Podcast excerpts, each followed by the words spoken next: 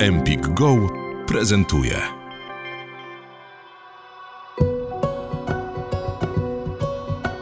Zapraszam Was na podcast w poszukiwaniu pełni. Będziemy szukać tej pełni, pełni swojego życia poprzez nasze zmysły. Czyli razem z moimi rozmówcami będziemy uczyć się jeszcze mocniej i jeszcze prawdziwiej patrzeć naszymi oczami, słyszeć, dotykać, wąchać, smakować. Będziemy się też uczyć używać naszego szóstego zmysłu, czyli intuicji. Bardzo różni, bardzo wspaniali goście i gościnie siądą tutaj ze mną, e, żebyśmy się mogli wspólnie od siebie tego uczyć.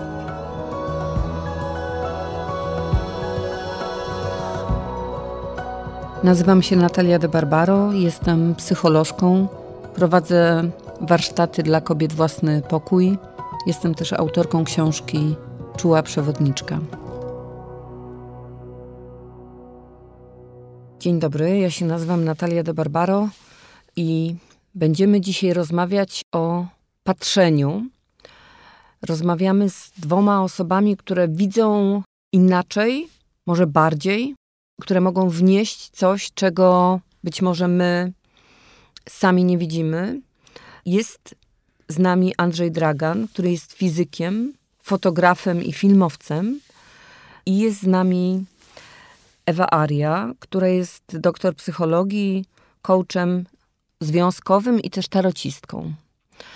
Przypominam sobie, jak kiedyś y, mój syn, który miał chyba wtedy 6 lat albo 5, spytał mnie, co jest moją ulubioną czynnością. I zatrzymało mnie to pytanie i długo się zastanawiałam. W końcu powiedziałam, że patrzenie. Mam poczucie, że gdyby Gdybym czasami taką um, okrutną i durnowatą um, zabawę ze sobą odbywam, że zastanawiam się, którego zmysł, które zmysły bym straciła e, z najmniejszym bólem. No i wzrok jest na końcu. No, mam poczucie, że, że gdyby odebrano mi możliwość patrzenia na świat, to, to by mnie jakoś kompletnie um, rozwaliło. Ciekawi mnie też, co widzą inni. Wiem, że każdy człowiek, jak idzie ulicą, to idzie inną ulicą w pewnym sensie. Jego oczy są inne. Ale ciekawi mnie też, zwłaszcza w kontekście rozmówców, z którymi dzisiaj mam przywilej rozmawiać, jak oni patrzą na jakieś oko, które nas widzi. To jest też coś, z czym ja się zmagam w swoim życiu zastanawiam się, kto na nas patrzy, co na nas patrzy.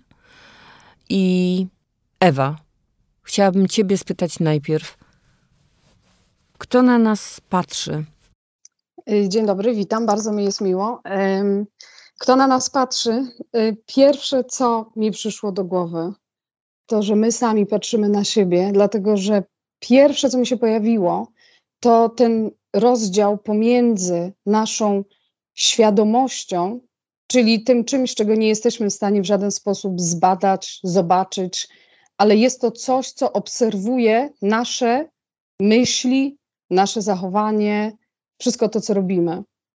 Czyli to, jakim jesteśmy człowiekiem biologicznie, umysłowo, e, jakim jesteśmy człowiekiem tutaj na Ziemi, to coś jest obserwowane przez naszą świadomość. Takie coś pierwsze mi przyszło do głowy. Czyli jest coś, co jest jakby naraz wewnątrz i na zewnątrz. Czasami to jest w psychologii, psychologia to czasami nazywa metapozycją.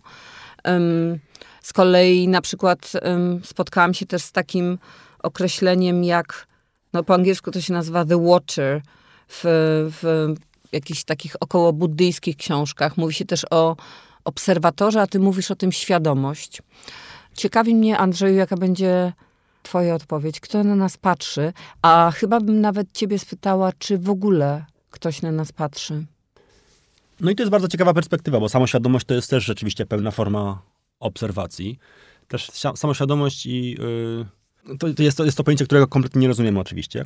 Natomiast jeżeli w ten sposób chcemy rozszerzyć y, pojęcie obserwatora, to y, w ogóle obserwowanie świata może się odbywać bez oczu, bez uszu i bez jakichkolwiek zmysłów, bo siedzimy zamknięci w y, puszce z kości, y, którą nosimy z tyłu nosa i y, będąc tam, siedząc po ciemku, możemy myśleć o świecie. I to też jest pewna forma obserwacji, bo to myślenie może doprowadzić do pewnego zrozumienia i w ogóle do tego nie są potrzebne oczy. Więc mm, jeżeli w ten sposób mamy rozszerzać to pojęcie, to, to też można i w ten sposób. Ciekawi mnie to spotkanie waszych dwóch perspektyw. Jak ja słyszę o puszce z, z kości, to mam poczucie, że to jest że chciałabym być, chciałabym mieć nadzieję, że tam jest coś więcej niż tylko puszka z kości, chociaż też wiem, że to jest puszka z kości. Ewa, co ty na tą puszkę z kości? Dla mnie to jest tylko pewna część z nas, pewna część nas samych. To biologiczne, fizyczne tu na Ziemi. Natomiast no, nie mam takiego poczucia, że to jest wszystko to, czym jesteśmy. Jednak mojej, z mojej perspektywy, no nie tylko z mojej oczywiście, bo to no ten świat jednak jest podzielony na ludzi, ym, którzy zajmują się duchowością i ludzi, którzy raczej wolą w tej fizyczności pozostać. Więc y, z tej mojej perspektywy to jest coś więcej i to coś więcej, owszem, jest niemalże niewyjaśnialne w, w sposób naukowy, jeżeli oczywiście mówimy o nauce takiej typowo ziemskiej i tych, i tych narzędziach. Wedle ciebie ogranicza, jakby ograniczone narzędzia, tak?